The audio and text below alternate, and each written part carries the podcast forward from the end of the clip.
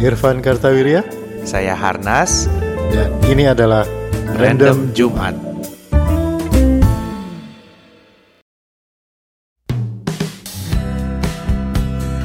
Halo, selamat hari Jumat. Halo, Kembali lagi bersama saya, Harnas. saya Irfan Kartawirya. Kita kembali ke Random Jumat di season baru di tahun yang baru. rambut baru, rambut baru. Akhirnya tukang cukurnya buka lagi. Betul, hari ini tepatnya karena besok mulai kerja. Jadi mau nggak mau kita potong. Ya gimana? Apa yang beda dari Random Jumat kita eh, di tahun 2021 yang kata orang adalah 2020 season 2 ini? Nah, bedanya adalah kali ini temanya kita kocok nih, Van. Oh. Kalau kemarin teman-teman bilang beneran random gak sih? Kayak gitu. Kalau dulu pertama-pertama kan kita randomnya ngambil dari handphone ya. Ya, ngambil dari handphone. Tapi kan semuanya kan di podcast. Oh. Sekarang begitu masuk YouTube beneran random gak sih? Ya, itu. Random Jadi kok itu. random random. Makanya ini ada empat tema yang udah kita pilih dan kita mau kocok sekarang ini. Metode Ya, arisan ya. coba. Kayak arisan. Iya, ini metode arisan ini, Metode metode arisan. voting arisan. Oke. Coba dibacakan temanya apa? perasaan gue nggak enak ganti ya. perasaan perasaan enak. boleh ganti. Boleh, Kan- boleh. Kan random. Selama belum dibuka boleh. Saya belum dibuka. Tadi kan belum dibuka. Nah, biar kita buka. Ini Bukannya ngadep sana ya biar ketahuan. Pasti kan kebalik tulisannya. Hah. Cuma topiknya harnas. Makanan ojol, bukan makanannya ojol. eh tapi ini kita mau bahas makanan ojol ya. iya. Tapi beberapa hari yang lalu tuh gue baca di eh ini kalau kita sambil tepok-tepok ya sorry ya ini di luar bayar nyamuk. Udah pakai minyak tawon sih. Iya. Eh, berapa hari yang lalu tuh gue baca artikel bagus tentang makanannya para abang ojol Oke. di seluruh Asia Tenggara. Jadi Oke. di, di di ASEAN itu kan eh, ojol ini kan apa delivery food delivery services menggunakan ojol ini ojek online ini kan booming lah ya terutama Iya. pada saat pandemi. Nah itu tuh dibahas tuh di Vietnam, di Thailand, Oh. ini termasuk di Indonesia itu si abang-abang ojol itu makannya apa gitu Hmm. kan mereka delivery makanan segala macam Iya. dari berbagai restoran mereka sendiri makannya apa gitu nah itu lucu-lucu juga gitu tapi intinya sih semua sama ininya apa eh, benang merahnya adalah murah yang ada dan cepat dan murah mereka makannya itu soalnya antara order sama order mereka harus Iya. cepat makan terus ngambil order lagi Tapi enak ya kan? Tapi enak Iya. Karena dulu Pak Bondan itu eh, almarhum Pak Bondan waktu nulis buku kan atau dia kan tahu banyak tentang makanan gitu ya. Resource dia tuh selalu supir taksi. oh iya bener Jadi orang yang ngider kan, ojol kan ngider ya. Iya. Makanan apa taksi juga ngider. Dia selalu sebelum zaman Google, sebelum zaman ada rekomendasi-rekomendasi. Zomato, Iya, kan sering ditanya apa Pak. Bondan tuh taunya dari mana sih? Rata-rata itu dari supir taksi. Dan dia bahkan as simple as kamu lihat aja warung sate, mana yang ramai supir taksinya, itu biasanya enak dia bilang. bener sih warteg juga gitu kan Warteg juga, ya betul, kan warteg juga. tapi nggak semua warteg itu rame sama abang ojol dan supir taksi Iya, betul, betul, betul. nah, yang rame itu enak. Itu dan biasanya value for money-nya Oh, bagus, bagus, oh, iya. karena dia kan sering makan itu. Hmm, iya bener. Ini makanan makanan ojol ini emang selama pandemi ini kerasa sih ya. Kan waktu awal-awal lockdown kita PSBB lockdown itu lockdown.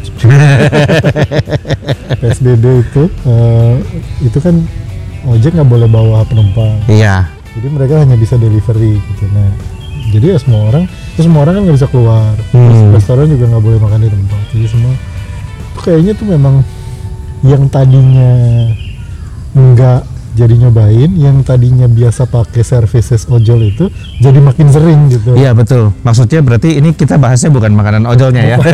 Tapi Makanan yang di-deliver makanan yang di level ojol. nah ini ini memang gua Terserah sih kita random aja. Iya. Gue punya pengalaman yang menarik Van. Karena kan biasa eh, gue ini jalan sutra gitu ya penulis kuliner bla bla bla. Jadi eh, kita gue tuh punya banyak repertoar makanan yang tidak diantar oleh ojol. Hmm. ya kan artinya warung yang paling Iya, enak di pojok mana pun gue biasanya tahu dan eh, apa dan gue tuh agak mengunderestimate ojol tadinya Hmm. karena gue bilang lihat aja yang ratingnya bagus di ojol itu belum tentu masuk ke radarnya Iya, tim kita. Pak Bondan CS gitu kan atau tim kita gitu ya foodies. Heeh, di, di baliknya sebaliknya kadang-kadang yang menurut foodies enak belum tentu dia buka grab karena biasanya dia udah penuh Iya, iya. jadi dia nggak nggak ada space lagi untuk pakai ojol gitu nah apa yang terjadi karena pandemi ini eh, apa namanya eh, otomatis pada saat kita lagi jalan-jalan pun kita terpaksa pesen ojol jadi ternyata ada discovery baru Van Ah, jadi banyak tempat-tempat makanan, contohnya di Bali ya, Iya. eh, itu nasi ayam atau tempong Pak Ugik gitu. Nggak pernah denger tempong tuh tempong Indra gitu kan, yang nomor satu. Pas kita lewat, buset rame nggak jadi. Terus pulang tapi pengen nasi tempong gimana? Mana tempong yang paling tinggi bintangnya? Oh ini tempong Pak Ogi. Dipesen enak juga gitu. Dan itu bener-bener, gue baru Iya. tahu sampai akhirnya gue pulang ke kantor pun ya kantor gua kan di deket Serpong sini ya di sebelah itu ada warung pecel lele biasanya standar gua adalah 25.000 ribu gua makan di situ nasi ayam goreng tahu sama sambal gitu kan setelah gua gua apa mengexperience ojol dengan terpaksa ini kantor pun gue jadi pakai ojol. Dekat kantor gua ada apa ya? Lu bisa dapet 17.000 ribu Eh. nasi serundeng ikan tongkol telur dadar terong goreng. Tujuh belas ribu kan tiga ribu ngirim jadi dua puluh ribu. Lebih murah dari pecel lele. Lu jalan kaki ke pecel lele sebelah gitu. Iya iya. Karena ada diskon tiga ribu untuk pengiriman. Oh, iya. diskon delivery itu iya luar biasa loh itu jadi. Jadi gua harus mengakui apa namanya eh, makanan-makanan via ojol ini apa ya membuat satu battlefield baru gitu loh. Nama-nama besar itu nggak ikut bermain di situ dan nama-nama kecil ini eh, ternyata enak juga gitu ternyata bagus juga gitu. Iya, nama-nama besar itu kadang eh, ya itu tadi kayak lo bilang ya, either mereka sudah terlalu penuh ordernya di, di hari normal ya, iya. Itu eh, udah terlalu penuh ordernya sehingga mereka nggak, ya lah nambah orderan ojek mah dikit lah gitu. Hmm. Sampai pandemi ini mereka Iya. kan beres semua tuh nggak ada yang buka betul. warung, nggak ada yang buka pintu, mereka Betul. semua delivery. Nah mulai, mulai akhirnya nama-nama besar juga sekarang sering kita lihat tuh sekarang sering kita lihat gitu betul ya. sekarang sering kita lihat di ojol Iya. Kalau dulu kan kita kayak misalnya bebek goreng ini, nah, saha gitu gitu Iya, ke betul, siapa betul. gitu. Ini ini bebek goreng siapa? Ini dekat sini. ini. betul betul Eh, apa? Enak nggak gitu? Ya rating sih gede, cuman kan rating ya semua orang ngerating pasti gede lah ya. Gitu. betul Lu jarang lo gitu ngerating. Lu, lu apa?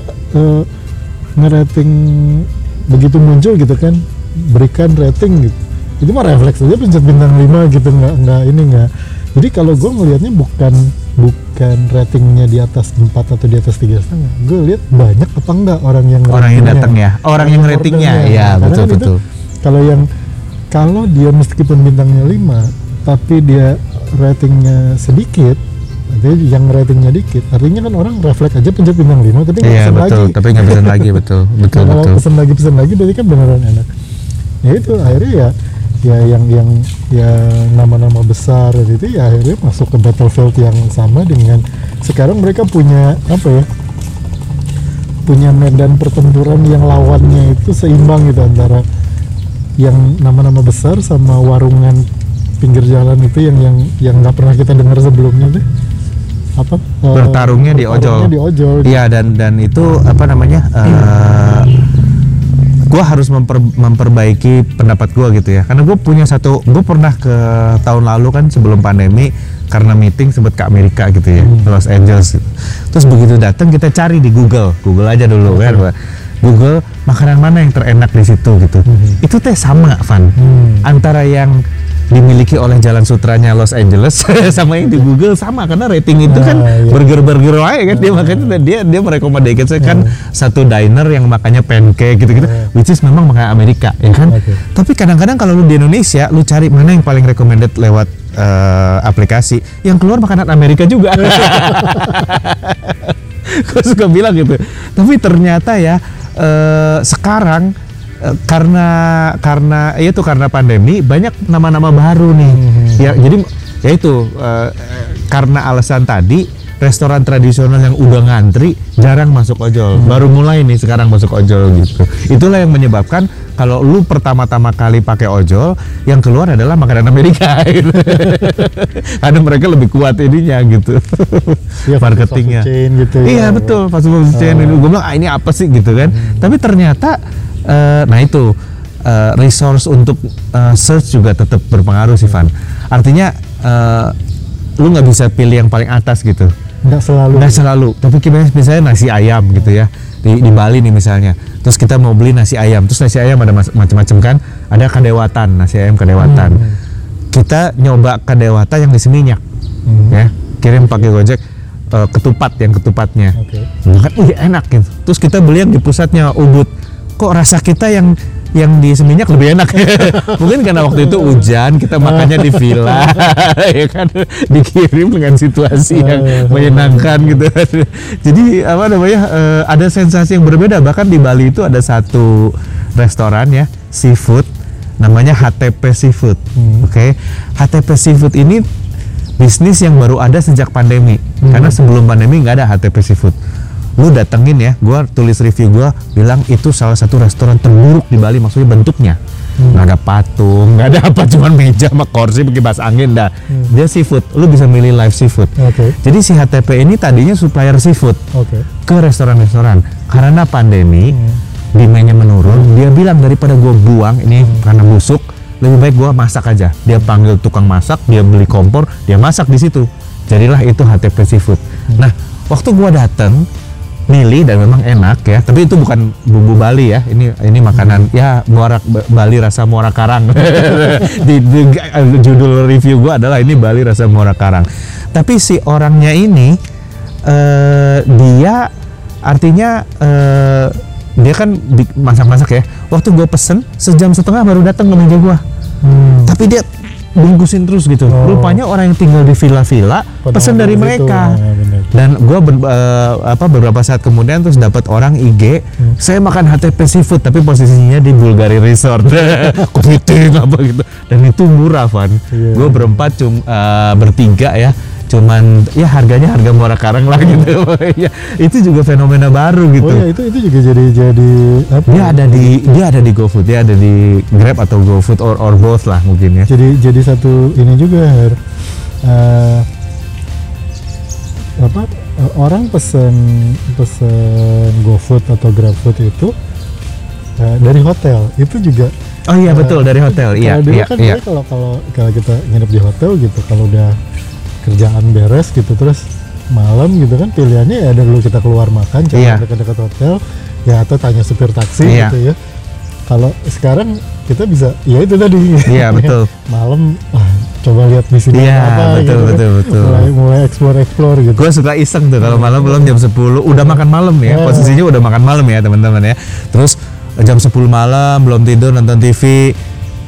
Kira-kira sate yang buka jam segini berapa ya? Gitu. nah kalau kalian di hotel terutama kalau hotelnya bukan yang kelas yang bintangnya terlalu tinggi gitu Mhm. di bintang tiga atau apa gitu ya terus eh, pesan makanan di eh, ojek online itu gue ngingetinnya satu aja jangan lupa di notesnya ditulis minta sendok Oh iya. karena karena gue pernah kejadian gue beli mie goreng datang dibungkus dikaretin nggak ada sendoknya Iya. nggak ada sumpit Tapi ritual kita Van jalan-jalan dalam masa pandemi ini ya bawa sendok sendiri Bukan.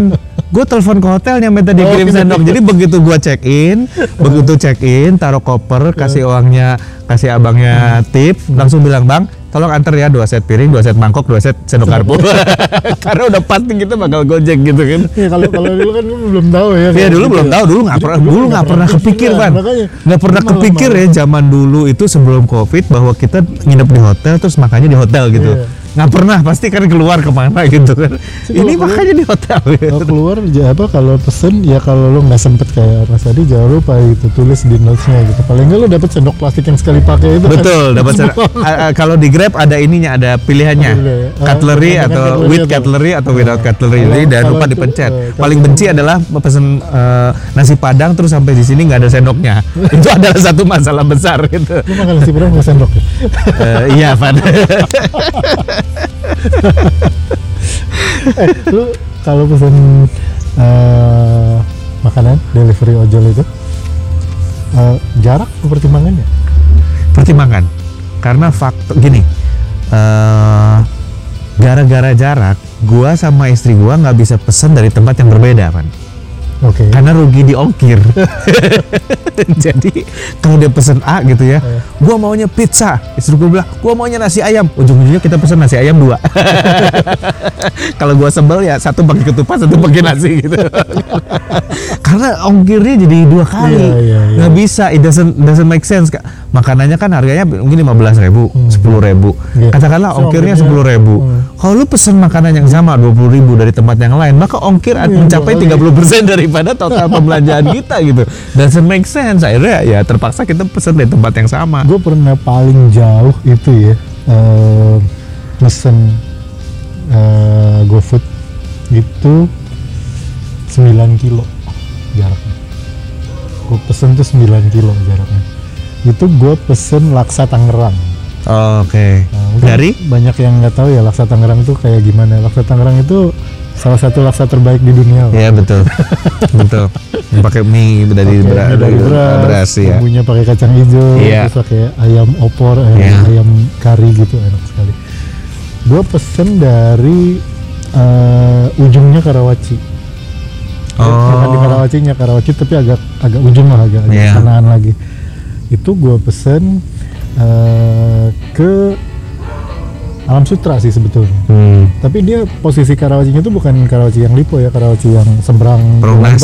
Ya, Iya. Perumnas. Tapi yang ambilnya ujungnya Iya. gitu. Itu eh, dua kali gua ngorder. Ya ada acara di kantor waktu itu. Eh, tapi lu jumlah banyak waktu itu ada acara di kantor, jadi gue pesen tiga, tiga sama empat lah gitu. oke berapa persen ongkir dari harga makanannya Eh, total seta- pembelajaran setara seporsi lah. itu udah mulai rugi sih udah mulai rugi tapi masalahnya adalah ini laksa Tangerang gitu Iya, Kita bisa betul. dapet di di jarak dekat gitu dari dari Betul. Sutra waktu itu kan dari kantor terus Coba ya, ka- ka- eh, tolong didengar Kodia Tangerang. Iya. Dari Alam Sutra tidak bisa ada laksa Tangerang, laksa gitu. Yang jarak yang proper. yang yang jarak kirimnya iya, cara kirimnya. jarak kirim Tapi- Masalah- gini jarak, jarak terdekatnya waktu itu sebetulnya ada yang lebih dekat itu yang di eh, se- da- pusat laksa Tangerang yang di Penjara, depannya Ya, penjara kan, ya, Eh, kota Tangerang itu. Kota Tangerang. Nah itu kalau dia blusuk-blusuk lewat modern land dan lain-lain itu ke Alam Sutra Lebih dekat. lebih dekat. Iya, betul. Tapi bedanya sama yang di Karawaci itu cuma 2000 ongkos kirimnya. Oh, Perbedaannya. jadi mendingan ke Dan- Dan Karawaci. yang itu gue tau enak Tapi- gitu. Jadi gue pesen dari situ. Gua mau menyampaikan warga Tangerang Selatan nih ya. Kenapa kalau ojol di antara Alam Sutra BSD Gading Serpong Paramount itu mahal bisa. Perasaan di Jakarta dari Kuningan ke Sudirman pesen murah.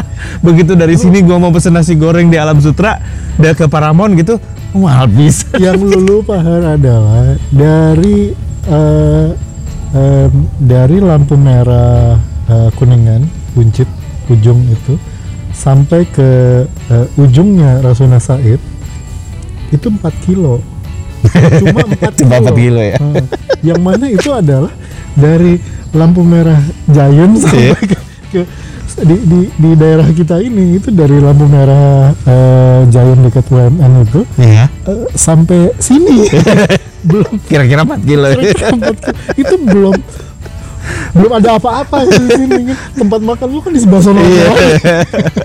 Dan di otak kita yang direkam jarak tempuh gitu ya. Kan. Kira-kira 15 menit lah. sama-sama Itu 15 udah belum iya. gitu. karena jarak bisa dua sampai tiga kali lipat kalau di Jakarta Tapi kita di masa pandemi ini ya Van, terutama dunia kuliner. Pertama kan buka PO. Tapi kedua kita mesti berterima kasih sama teman-teman ojol ini loh. Iya. Ya, siang malam hujan Hujan. panas Hmm. di Cirebon tuh hujan gede sebetulnya gue pesan dan cepet diantar juga orangnya pakai apa eh, keluarga gue udah udah pesimis nih. Ada yang mau ambil nggak? Gue bilang coba aja. Kalau emang rezeki dia kita ambil. Kalau enggak ya udah kita coba yang lain. Ternyata ada yang mau nganterin lu eh, empal gentong Hmm. dua porsi. Ya itu gua makan di hotel juga empal gentong. Mang Dharma yang asli ya. Itu gini gini, gini. setelah dikirim terus eh, dan mereka berjuang loh sebetulnya ya. Iya. Nah, mudah-mudahan eh, dikasih rezeki lah semuanya itu. Karena bisnis restoran sekarang dengan tidak adanya dine in Iya. dia tergantung delivery which is by ojol rata-rata. Eh, kalau buka PO kan lain kan urusannya sama dapur rumah tangga ya. Kalau restoran tuh benar-benar tergantung delivery ini sekarang gitu. Iya, dia inilah kalau ada eh, meskipun bayarnya udah pakai GoPay, pakai OVO yang kayak gitu ya kalau mau ngetips dari situ bisa. Tapi Ah. kalau kalau enggak ya begitu begitu kreseknya dikasihin ke lo kasih lah up- berapa lah gitu. iya kalau gua sih lah. kalau gua sih tipnya gua cash ke Cash orangnya aja. kan antaranya lima ribu atau Iya. berapa atau sepuluh ribu ke orangnya gitu lah Iya. yang hujan-hujan itu juga gua kasih tip karena kalau orang hotel nganterin piring ke kamar gua juga gua kasih tip nanti kan kalau ojol nganter ke kamar gua piring doang nggak ada iya betul masa nganter isinya nggak dikasih tip ya gua kasih tip aja gitu Iya. mau pakai sistem itu ya boleh tapi kalau enggak ya kasih aja langsung gitu gitu. itu kita mesti berterima kasih dan dan mereka ini harganya bersaing gitu kan. Artinya buat kita masih worth it gitu. Apalagi ada ada promo-promo itu ya, promo-promo itu ada nih kadang-kadang. oh iya promo Ada itu gitu memang luar biasa Gue dulu kan kita pernah di di Random Nyembat ngebahas soal promo ya, harus Iya. ngajarin gitu ya, bisa makan berempat di KFC 25.000 ribu saja gitu. dengan dengan empat handphone. iya iya iya dengan empat enggak gratis bisa bisa zero loh bisa gratis Gratis loh kalau handphonenya empat bisa gratis kan 25.000 ribu karena Dan- beli sesuatu yang nggak ada di list itu. dan zaman sekarang gue pernah ya gue lewat ke tempat soto betawi. Hmm. gue bilang sama sama istri gue eh kita beli soto betawi udah lama beli beli di rumah aja. Hmm. masih ada promo katanya. Enggak lah kita udah posisi kita di depan Depan. restorannya gitu loh udah turun aja beli. Turun beli pulang ke rumah bini gua ngecek terus lu tau nggak kalau kita eh, pesan ke sini lebih murah 20% sialan. Diantar ke rumah lebih murah 20% daripada lu beli di tempatnya bayar pakai cash lagi. Tanpa Aduh. tanpa orang apa tanpa perantara. tanpa perantara. Terus lu bayar parkir juga rugi jadinya. Ini kemarin tuh yang hits banget itu beli makan kira-kira setara dengan orderan setara dengan 120.000 ribu gue bayar 52.000 ribu. Itu itu edan lah itu gue nggak nggak nggak ngeh itu jadi nggak tahu kira-kira di ayam goreng ya? Bukan. Tahu kan nggak nyengajain jadi kita kayak ah, belinya eh, sekalian buat besok eh, sekalian buat malam sekalian buat besok. Tik, begitu pesan semua wah 120 ribu. Begitu mau ngorder cek 52 Kela, ini bener nggak nih? Ternyata promo ini, promo delivery, promo bayar pakai ini segala macam. Ah, lumayan lah gitu. Itu eh, membantu lah, membantu Betul. banyak orang. Jadi kan orang juga jadi ngorder lebih besar ya meskipun nggak tahu kayak perusahaan-perusahaan kayak kayak kayak Go, Gojek, eh, Grab masih bakar duit nggak sih? Gua rasa dalam ekonomi nggak ada yang namanya bakar duit Van Bakar duit karena Artinya duit dibakar itu pasti uap- dia ada uapnya uapnya didestilasi lagi. buat ngedatengin duit yang Ujung-ujungnya lebih banyak tuh gua rasa sih. itu sih bukan bakar duit kayaknya, tapi eh, eh, sekarang masih ada kok, Masih masih, ya? ada, masih beberapa kali masih ada. Dan rupanya sekarang mereka mulai ngambil sistem yang agak-agak eh, loyalty. Hmm. Jadi kalau lu pakai aplikasi A, Hmm. dan lu sering A, terus kalau pesen pakai A terus lama-lama promonya hanya keluar di handphone lu. Oh. Nah, artinya gue sama istri gue preferensinya kan beda itu nih. ya. Iya, promo-promo yang kita dapetin tuh beda juga ternyata gitu. Dan kalau beda kota, beda lagi. Hmm. Mungkin eh, apa namanya? eh, pernah waktu di Bandung tuh kita bilang, oh di sini ternyata setelah istri gue lama kotak katik, akhirnya dia bilang di sini ternyata namanya gaya Korea ya, Grab Kun. grab kun gue bilang. Ada dia yang bertugas cari makan dan ternyata di sini grab kun gitu. Dia nguku takut cari promonya nggak ketemu. Oh ya sekarang juga eh enaknya nggak tahu sejak sejak kapan sih ya gue nggak nggak tapi dulu nggak bisa tapi sekarang bisa. Eh, mungkin udah agak lama lah udah setahunan lebih ini bisa. Eh, lu bisa lu bisa nge GoFood atau nge Grab di, dari, dari luar kota jadi gue sering eh, ah gua nggak bisa. gue bisa. Eh, gue bisa gimana jadi caranya? kayak kayak gue kan di di di Tangerang Selatan gitu. Terus eh, misalnya eh, nyokap gue di Bandung gitu. Bilang oh lagi pengen ini nih. Nah, gue gue footin di, di dari Bandung. Gua nggak bisa. Gua nggak tahu gimana caranya itu. nah cuma karena kita beda kota gue nggak tahu ya mungkin kalau guanya di Bandung database nya gimana. Itu gue beberapa kali gue pesen dari sini gitu. Terus eh apa eh, supir apa ojolnya itu eh, nge-text gitu Pak, kalau yang dari situ udah tutup nanya. Oh udah tutup, apa restorannya udah tutup, mau dioper ke mau saya ambilin dari tokonya yang eh, di jalan ini nggak ya? Karena di Bandung kan deket-deket ya. Iya. Karena gue iya iya gitu. Nah, gue nggak tahu itu tutup. Tapi karena di list di di, di aplikasinya masih, Masih ada buka ya? gitu masih buka. Gua nggak tahu caranya gimana. Beberapa kali gua ada kebutuhan lagi di luar kota kebutuhan di, di Jakarta. Nggak bisa eh. Gua juga nggak tahu mungkin nanti mesti diletak Nah, itu, itu gue ngeliat itu juga suatu apa ya eh, services yang yang mungkin nggak semua orang perlu gitu. Tapi kalau untuk ya kayak gue gitu kayak mau ngirim buat eh, buat nyokap gitu atau saya ponakan ulang tahun gitu atau eh, apa eh, kakak ulang tahun adik ulang tahun apa di luar kota misalnya. Nah itu kan lu bisa melakukan eh, delivery itu dari kota Betul. lain gitu. betul. Dan menurut gue sih itu itu membantu banget gitu. Iya iya. Service yang gue masih rada kurang happy itu sebetulnya adalah yang pick up jadi lu pesen pakai aplikasi tapi lu ambil sendiri ke restorannya itu lu pernah pernah pakai nggak? Gue pernah pakai beberapa Enggak. kali dan nggak pernah bagus pengalamannya. Jadi mendingan di, di- dikirim ke rumah. lo iya itu itu kan maksud gue gini eh, kayak kayak gini nih ini kita tuh lagi lagi ini kan lagi lagi rekaman nih ya kan habis ini kan gue pulang nih ceritanya gue pikir eh, daripada gue pesen terus eh, apa gue pesen terus minta dikirim ke rumah nanti gue nyampe rumah dia nyampe gitu misalnya. Atau dulu kan tempatnya kelewat dari dari perjalanan gue pulang gitu. Gue pesen aja nanti gue pick up. Itu pengalaman gue nggak pernah bagus sih. Oh. Pasti gue nyampe itu kan maksudnya dia tuh adalah lu pesan terus ditulis tuh ready Yeah. for pick upnya jam berapa. Misalnya 20 menit gitu Uh, jam 15.28 gitu ready to pick up. Gue datang sana belum dibikin masakan. Oh belum pernah jadi ya akhirnya mah ya kayak pesan biasa aja gitu Iya. kayak pesan kalau kita setelah belajar di perjalanan jadi kita udah tahu se- se- sejam sebelum datang ke hotel pesen pesen pesen pesen pesen begitu datang check in ambil grab pinjam piring naik makan mantap semua message-nya adalah titip di lobby Iya, titip di lobby kan udah dibayar, Iya. titip di lobby. Titip. Kamarnya berapa? Belum datang saya titip aja di lobby. Karena pasti lapar kan. Iya, benar. nah itu itu jadi memanfaatkan eh, apa memanfaatkan delivery delivery online ini untuk me- memudahkan atau membuat perjalanan menjadi lebih menyenangkan Betul, nanti kalau nanti betul. pandemi sudah agak redaan terus kita bisa mulai traveling lagi ini tips bagus sebenarnya ya buat Betul.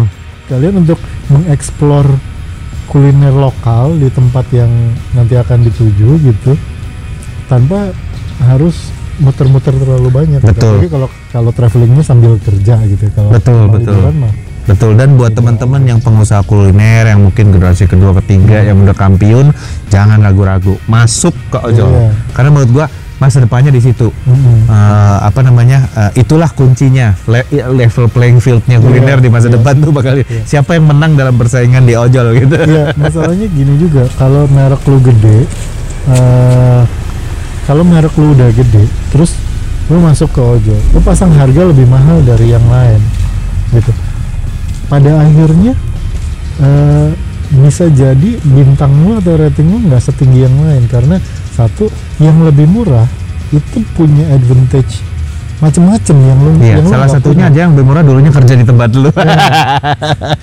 yang kedua adalah jarak jadi orang beli misalnya jarak jarak atau antrian jadi yang lebih murah nyampe ke tempat udah mah lebih murah nyampe ke rumah pelanggan itu dalam kondisi lebih anget iya, lebih anget betul. daripada yang punya lu jadi hati-hati mainin harga dengan bilang bahwa ya kita jual lebih mahal karena kita namanya lebih gede Ya belum tentu. Belum tentu. Di ranah online belum bisa tentu. jadi kebanting gitu kalau gua aja di ranah online buta di mana yang enak ini bingung padahal nama gua Harnas gitu ya. Iya. Tapi tetap aja belajar lagi dari nol. Yang mana yang enak sih?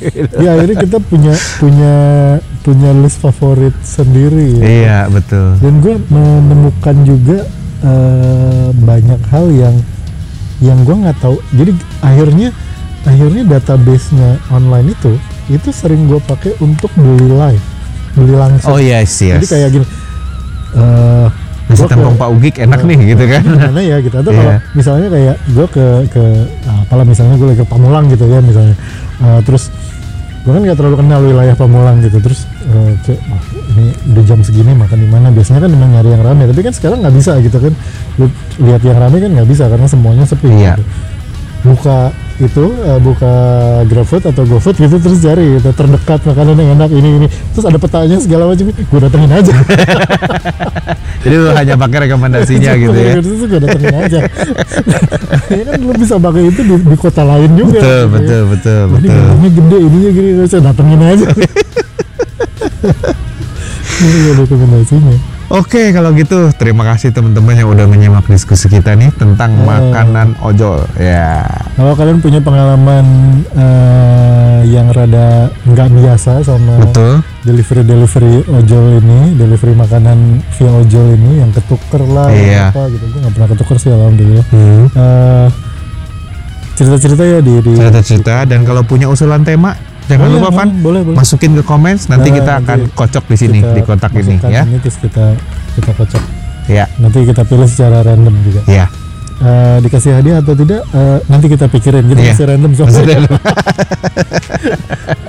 ya kita di random jumat saya Irfan Ketawiria dan saya Harnas. kita ketemu di random jumat berikutnya bye Bye.